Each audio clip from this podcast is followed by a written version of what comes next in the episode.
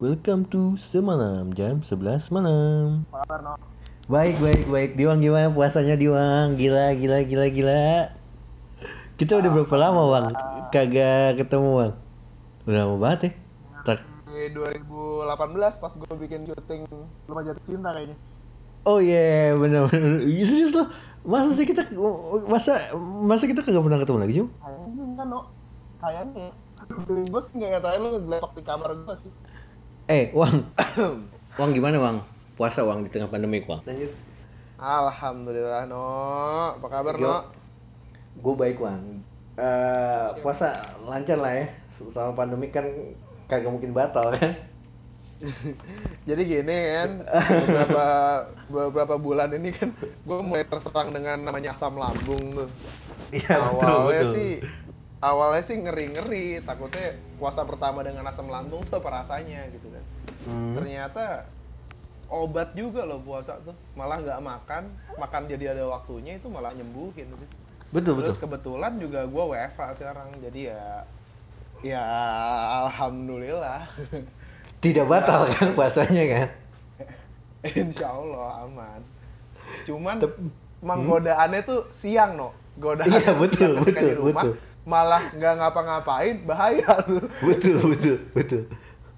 Tapi WFA ya, sesama WFA ini ya, di tengah pandemik, ada waktu buat jam tidur tambahan, Wang. Kalau gue sih gitu ya. Oh lo gitu ya? Iya, ya Aku kan nggak bisa no. Pusing. ya kan apa di jam 12 kita agak-agak ada istirahat dong seperti biasanya kita kerja dan Mhm. Eh, gua jam 12 tuh biasanya tidur sampai jam eh, 1 atau jam 2 dan kadang-kadang kelewatan sampai jam 4 gitu. Tiba-tiba gue tinggal bikin report aja. Waduh. Ibadahnya kenceng banget ya no ya. iya ibadah ibadah. Tidur sebagian dari ibadah. Honestly sih sebenarnya ya kalau gua WFH-nya ya, ya WFH nggak WFH sih. Jatuhnya kan kenapa? Karena gue sekarang lagi ada di perbankan. Yang sebenarnya kantor gua sama rumah gua tuh nggak terlalu jauh. Jadi ketika gua harus maintain nasabah nasabah gua gua harus ke kantor. Iya, dan itu benar. waktunya cuma sekitar satu jam dua jam sih. Habis itu gue pulang lagi. Tapi tetap itu lengkap ya. Pakai masker pakai itu dan bukan daerahnya ke arah Ciputat nih. Itu Betul, ada betul, checkpointnya betul. bos. Itu ada checkpoint ya ada Gue checkpointnya tahu. polisi tuh Eh, berhentiin tuh. Itu pasti. Ada. Demi apa ada Eh, karena Ada, kemarin ada. di podcast gue terakhir ngebahas masalah checkpoint itu juga di rumah teman gue di daerah Bekasi itu katanya cuma bertahan seminggu setelah PSBB jadi setelah seminggu tuh ya udah plong aja udah. Lewat-lewat gitu. Gue sih ada sih, alhamdulillah kalau gue ada, gue nggak peres, gue emang bener lihat di arah ke arah Ciputat, rumah gue pasar Jumat ke arah Ciputat Hmm. itu ada, ada PSBB, jadi udah mulai jalanan macet, gue pikir PSBB mananya nih macet kan, ternyata pas gue jalan lagi, oh polisi bagi dua jalur, kiri motor, kanan mobil, polisi ngecekin mobil tuh Di yang pas ini ya, apa? nggak? di yang pas kayak pelang masuk Ciputat itu ya Eh, tempatnya sih pindah-pindah ya kayaknya ya. oh gitu Cuman beda-beda ya arah-arah situlah, arah-arah situlah, pokoknya sejalan itulah. Yang Boleh, kocak, boleh, pas gua jalur balik ya, pas gua jalur baliknya. Jadi kan ceritanya nih jalur ke arah Ciputatnya nih yang ada checkpointnya. oke Yang dari Ciputat ke arah Jakarta, Jakarta Selatan ya, eh, eh, eh, itu kosong.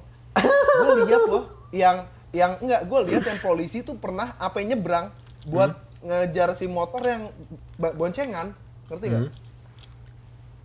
Oh, oke Karena oke. karena ya gitulah ya maksud gue orang tuh hanya melihat yang dijaga aja pas mereka ngeliat gak dijaga nih. Ya udah ngeplong aja susah sih ampun ampun.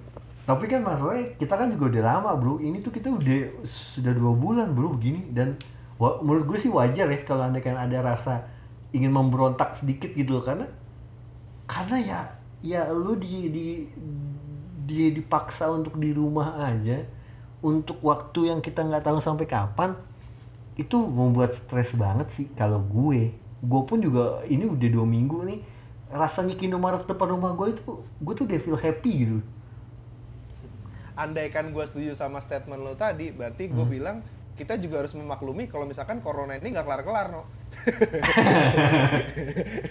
Lah kita benar. pengen ini cepat kelar tapi Anda secara nggak langsung kita ngelakuin hal yang pengen dimaklumi ya udahlah ya, Masalahnya- gimana?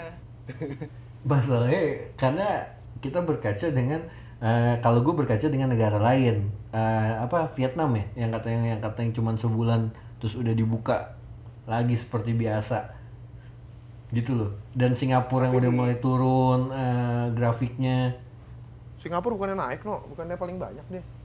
tapi udah mulai turun loh. Singapura sama Malaysia tuh udah udah mulai turun sekarang dan Indonesia doang satu-satunya negara di Asia Tenggara sama Thailand kok nggak salah yang grafik itu masih naik Hmm, gimana ya? Kalau gua sih sebenarnya nggak bisa gabungin antara medical sama ekonomi ya. Maksud betul Gua, gua tahu kenapa mereka Tapi kan keluar berimpact mereka. karena ekonomi kali. Hmm. Kenapa? tapi kan eh, ada korelasinya gitu Iya korelasinya akhirnya nggak nyambung kan, nggak sinkron kan. Ya yang satu pengennya kita di stay di rumah, tapi jatuhnya satu lagi takutnya bukan mati karena corona tapi mati karena kelaparan. iya Iya. betul betul Kalau yang itu sih gue masih bisa nggak bukannya nggak komen ya. Hmm. Cuman gue nggak bisa komen karena takutnya di luar batas. Cuman kalau misalnya yang keluar untuk malam mingguan kangen pacarnya, aduh. Wah itu Aduh. itu gak banget sih bro, sumpah deh. itu kalau komen yang gitu. Iya, kalau yang itu gue pun juga nggak banget sih kalau yang itu sih. gimana ya?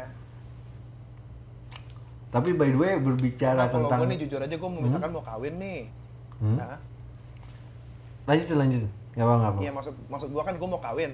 Gue lebih milih gue lebih milih nggak ketemu dua bulan sekarang tapi ketemu selamanya nanti gitu ngerti nggak? Wadah, wadah.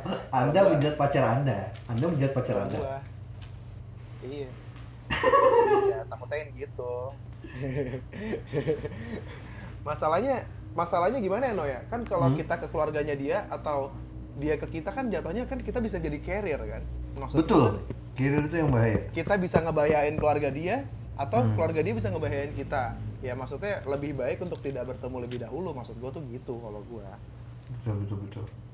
Nah, kan tadi kita sempat ngebahas soal uh, kumpul-kumpul yang cuma buat kayak pacaran, nongkrong or something.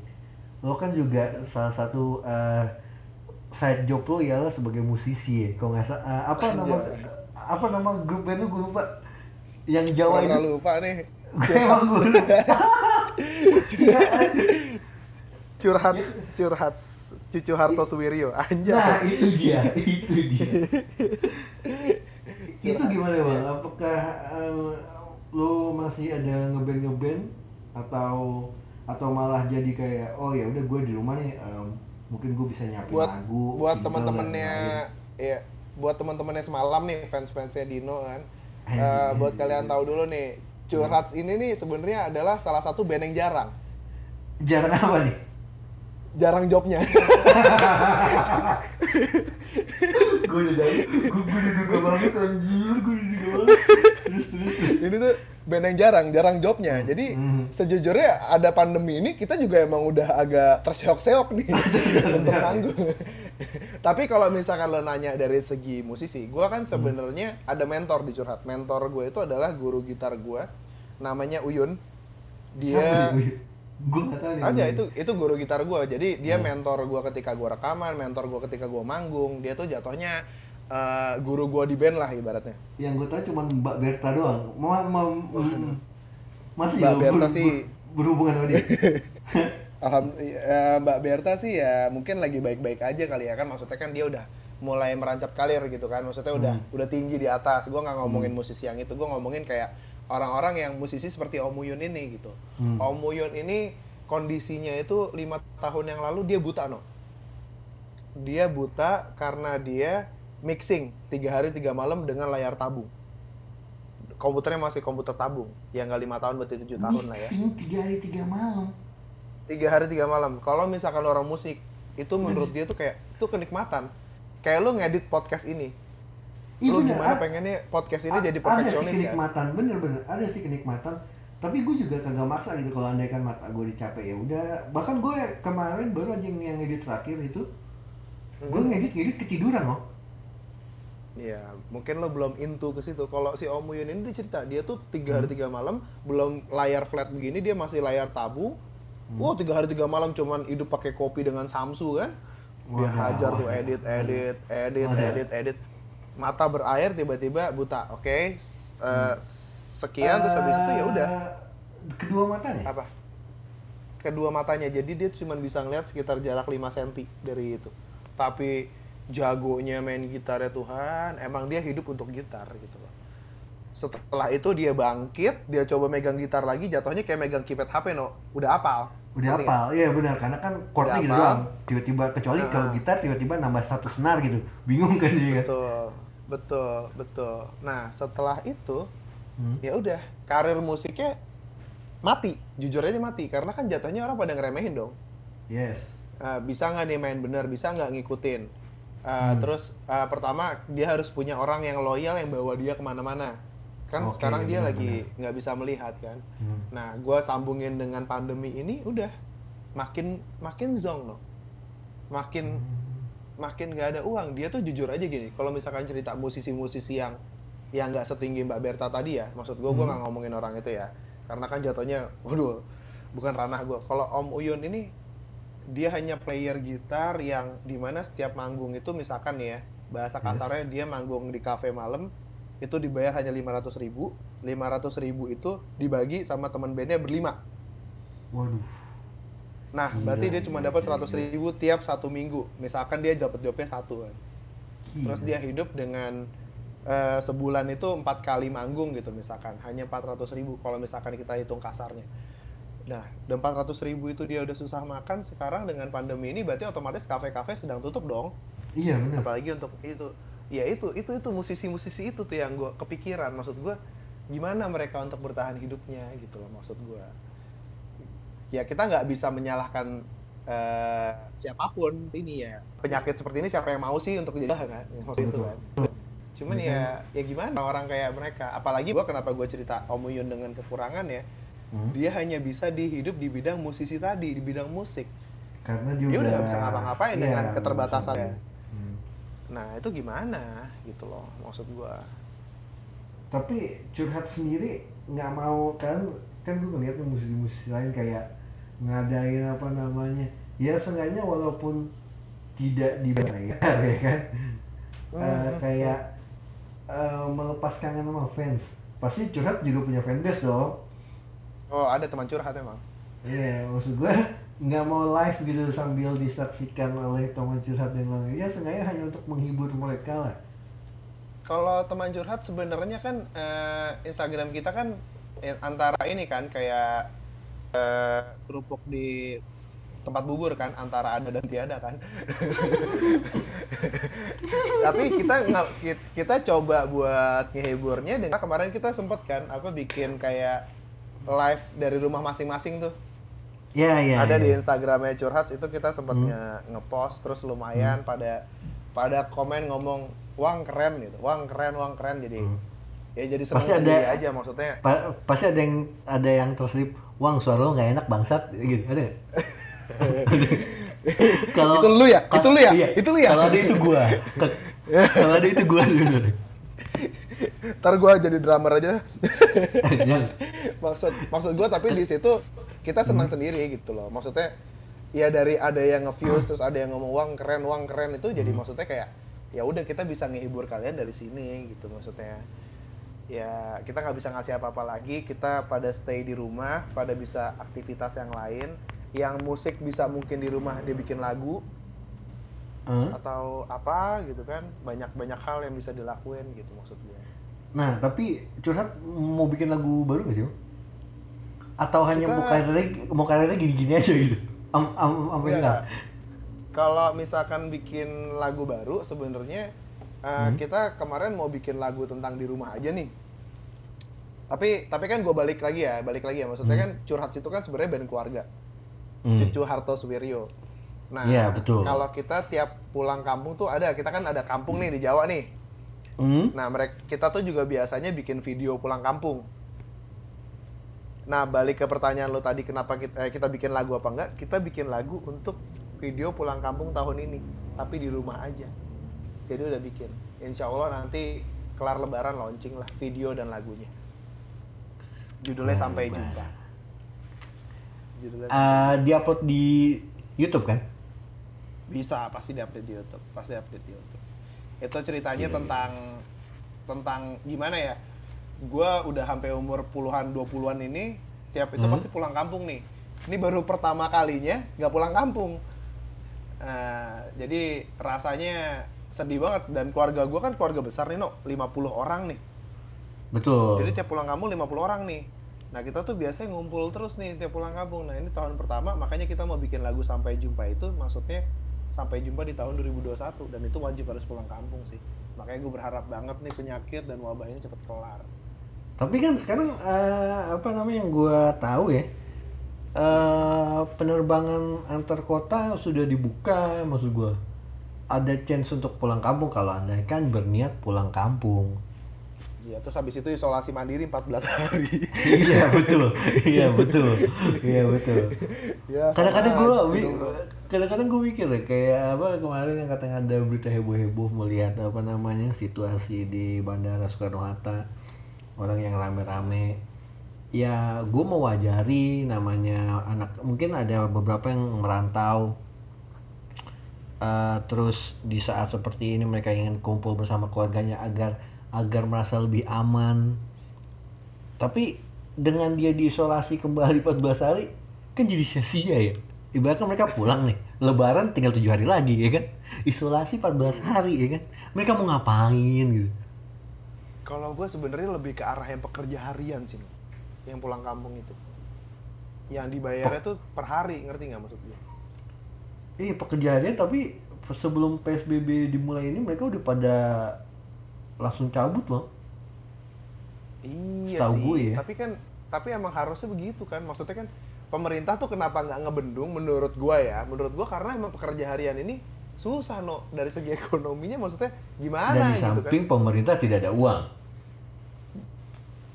pemerintah nggak ada uang sih menurut gue sih sebenarnya ada. Cuman maksudnya alokasinya mungkin yang nggak semudah itu sepertinya. Betul. Maksud gue tidak bisa tidak tidak ada uang untuk menampung semuanya. Iya mungkin itu. Secara Karena harusnya seperti kan itu kan? Iya seperti harus secara harusnya ya maksud gue kalau pekerja bulanan maksudnya yang gajinya tiap bulan itu kan mungkin masih ada save money-nya. Tapi kalau yang pekerja hmm. harian ya kalau daripada di Jakarta dia nggak ada uang ya gimana gue nggak membenarkan mereka pulang ya tapi Tep, tapi ya sebenarnya kita lagi, pun juga, balik ke dilema. sebenarnya kita pun juga pekerja harian uang kalau andaikan kalau andaikan kita bisa dibilang kita pekerja harian atau tidak tapi bedanya ialah kita dibayar per bulan. Iya sih bener. Betul sih. Makanya berarti berarti bahasa per bulan itu tergantung gaji kali ya?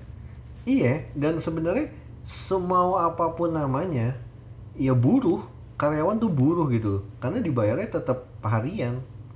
Kalau kayak yang tukang bangunan gitu hitungannya apa, no? Ya buruh juga. Kalau bangunannya bangunannya nggak berarti kan kalau misalkan dia dibayar per hari nih. Nah, hmm. terus bangunannya mangkak nih karena nggak boleh hmm. kerja dulu nih. Nah, di hmm. hari itu dia nggak dibayar, ya iya sama kita pun juga kalau andaikan kita kerja di hari biasa lah ya tanpa adanya pandemik dan lain-lain kita sakit seminggu juga kita tidak dibayar seminggu itu kan?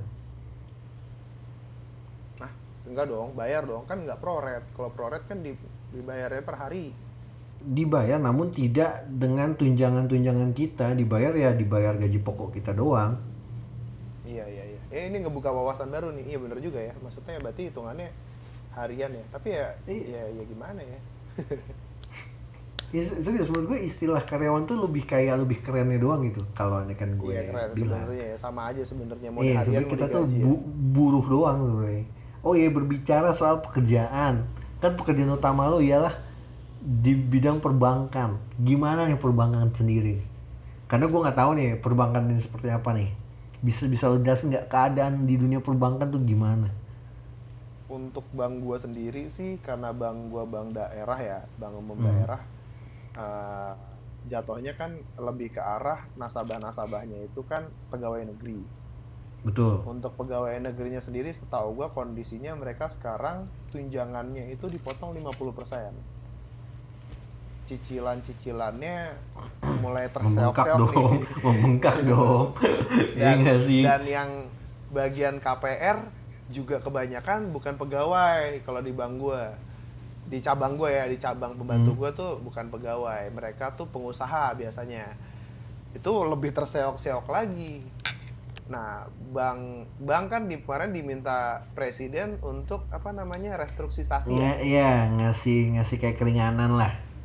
Uh, tapi Ba- setahu gue juga uh, tapi setahu gue juga dari presiden presiden turun lagi ke OJK OJK ke bank itu Hmm. kayaknya sistemnya nggak satu jalur no ngerti nggak maksud gue nggak satu jalur dalam arti jadi kata maksudnya gini kalau dari presiden kan mungkin dia mintanya penangguhan atau gimana Hmm. gitu sistemnya nah dari Hmm. OJK mungkin beda lagi nih sistemnya gimana mekanismenya nanti Hmm. di banknya sendiri itu digodok lagi no sistemnya oh dan- jadi kayak apa namanya eh, diserahkan da- dari OJK diserahkan lagi ke masing-masing bank untuk menerapkan peraturan ini tuh seperti apa gitu menerapkannya kalau yang gue tahu ya kalau yang gue tahu Hmm. ya sorry ya kalau misalkan salah. Menerapkannya tergantung mekanismenya bank tapi acuannya dari peraturan yang udah dibuat sama OJK gitu lo ngerti nggak? Iya jadi ibaratkan gue kasih peraturan nanti lo jalanin peraturan ini terserah lo tapi ini lo acuannya. Iya kayaknya sih seperti itu. Dan dan kalau misalkan dari sebagai perbankan restrukturisasi itu kan nggak cepet no kita kan dari pihak bank apalagi dari pihak pembiayaan itu biasanya kan harus ngitung lagi. Maksudnya kan apakah nasabah ini setelah dikasih penangguhan eh, mampu nggak untuk membayar lagi atau ini itu nggak cepet. Dan yang meminta itu nggak nggak dikit banyak. Jadi, iyalah di saat di ya- saat kayak gini bro. Iya jadi jadi susah gitu loh. Gue gue lihat sendiri karena kan gue bagiannya gue di bagian collection kan hmm. kok bagian gue adalah bagian penagihan yang di mana gue sama nasabah tuh hubungannya erat bukan hubungan hanya sekedar nagih ya. Tapi Hmm. mereka juga konsul ke gue Pak Diwang gimana nih kalau misalkan saya nggak bisa bayar bulan ini? Nah akhirnya dari gue tuh follow up ke bagian pembiayaan yang hitung Hmm. nah itu nah itu itu yang agak agak nggak sinkron. Kenapa? Karena jatuhnya ya nggak cepet gitu loh nggak bisa cepet. Karena mereka juga gue lihatnya udah uh dokumen numpuk no dokumen numpuk Hmm. terus mereka harus ngitung satu-satu. Dan apalagi yang paling sedih tuh kalau misalkan nasabah itu verifikasinya nggak lolos. Karena mereka nggak punya kemampuan Iya, lagi untuk nggak punya kemampuan lagi untuk bayar gitu. ya tapi Iya, kira-kira dan- lo ada tips dan trik ya Wang untuk kayak di saat seperti ini eh, mau mengajukan pinjaman ya di saat yang sulit ini ya maksud gua. Ya Kalau penting dari kita gua sih, Hmm? Kalau dari gue sih pokoknya intinya karakter kalau bank sih menurut gue nih pimpinan Hmm. itu bakal lo ACC karena karakter lo jadi maksud gue gini ketika nanti lo kan di bank itu namanya ada kolek kolektibilitas oke Kolektibilitas, kalau misalkan lo oke. ada tunggakan ah kalau ada tunggakan di tempat lain kan ada 2A 2B 2C ada tunggakan Iya, bulan, betul. dua bulan tiga bulan. Iya, itu betul. sebisa mungkin lo Saya tahu banget itu. satu dulu. Iya. Pernah ya pak? Apa gimana? Itu itu kalau bisa sih kolektibilitas kolektibilitasnya itu di satu dilancar. Kenapa? Karena saya udah C pak. Oh udah. Ya sudah kalau an- orang-orang kayak anda saya coret. Maksud maksud gua kalau misalkan kolektibilitas tuh bagus lancar itu tuh Hmm. eh, dilihat sama yang memberi pinjaman kan enak. Maksudnya kan misalkan lo nih no kayak oh ini orang baik nih bakal balikin uang gue nih pasti gue kasih gitu. Hmm. Kalau gue sih tipsnya kayak gitu aja sih. Karena di bagian restrukturisasi pun juga setahu gue ya karakter Hmm. nasabah itu juga dilihat karena kan takutnya. Ini gue nggak mau suzon ya, mohon maaf sekali lagi nih pendengar Dino nih. Ya, Oke. ya restrukturisasi banyak yang kita nggak verifikasi dan kita tolak. Banyak yang udah di 2B 2C maksudnya udah nunggak dua bulan tiga bulan betul jatuhnya Gua- takutnya mereka verifikasi ini bukan karena mereka nggak mampu tapi karena mereka eh, mema- apa eh, Tidak memakai ingin- covid ini iya sebagai alasan sebagai alasan Itu juga. ya betul betul betul, Iya. betul, betul. ada juga no yang udah resignnya bulan September tapi ngomongnya Hmm? karena dampak covid bulan Maret kan kagak nyambung ya maksud gue dia di PHK-nya dari September nih Kayak itu gua lagi deh, Bang. dampak covid. Oh itu lu lagi ya? Gue nggak ngomongin lu sih. Ya itu ada Ya itu kan? ada itu ada. Daripada kita nuduh orang lain ya kan? Iya gue nggak nuduh. Maksudnya kayaknya ada deh waktu itu. Gue pernah Hmm. Oke, pernah. sekarang pertanyaan, pertanyaan gue ialah ketika eh, taruhlah seperti gue, gue udah ada di eh, C ya, gue gue nggak tahu nih C berapa nih gue, pokoknya gue udah ada di C aja. Saya ya satu. Dua C itu satu tiga bulan misalkan. Nah, terus untuk kembali mencapai A, apa yang harus gue lakukan? What should I do? ya lo bayar lah. Ya lo bayar. Eh, ap- eh, tapi ketika sudah lunas itu tidak akan eh, ini gua akan berubah menjadi A eh, status gua atau tetap di C? Setahu gue sih sekitar berapa bulan tuh nanti balik lagi kolektibilitas tuh Hmm, Kalau lu udah oke, bayar. Oke oke. nanti udah balik lagi apalagi lu kalau satu udah aman. Kalau misalkan lu udah bayar tapi lu masih di ini lu telepon banknya. Nanti dia yang bakal revisi. Banyak juga nasabah gue kayak gitu. Ka- mereka langsung protes nih pak saya nggak di sini nih. Ya kita sebagai bank yang pengen restrukturisasi ya gimana ya bahasanya? Kita kan udah full service nih ngitungin segala macem. Untuk yang dia di 2C di bank lain ya mohon nasabahnya sendiri yang konfirmasi ke bank itu untuk membenarkan ke kami gitu loh jangan kami lagi yang nelpon ke bank itu ngerti nggak maksud gue no? Oh, nanya I see, gitu I see, I see. apakah ibu ini 2C gitu kan ya kan Jadi harus ada ini ya apa namanya ya si customer sendiri atau nasabah sendiri yang harus ada apa ya namanya ya? inisiatif lah ya. Iya inisiatif lah atau apanya. Karena jatuhnya kan kita dokumennya banyak nih. Hmm. nggak mungkin satu orang kita full service gitu sih kalau dari gue sih gitu. Em, ada ini nggak bang? Apa namanya sebelum kita tutup podcast ini karena emang gua hanya ngasih space setengah jam setengah jam. Siap ada apa namanya sepatah dua patah kata untuk fans fans lo di luar. Siapa tahu mereka mendengar podcast gua teman curhat sih kan? Sahabat curhat? Oh teman curhat? Teman curhat teman curhat. Teman curhat. Itu teman curhat juga salah satu teman yang jarang tuh. Jarang jarang ada. Jarang ada. Jarang ada. jarang ada jarang. ada. Jarang ada. Kalau gue sih gini, apa? Kalau gue sih gini maksud gue kan dari kemarin kan gue lihat eh, sosial media berita. Itu kan ada berita-berita lain yang selain wabah ini yang ya entah influencer bikin statement apa atau influencer ngapain atau siapa pun bikin masalah gitu.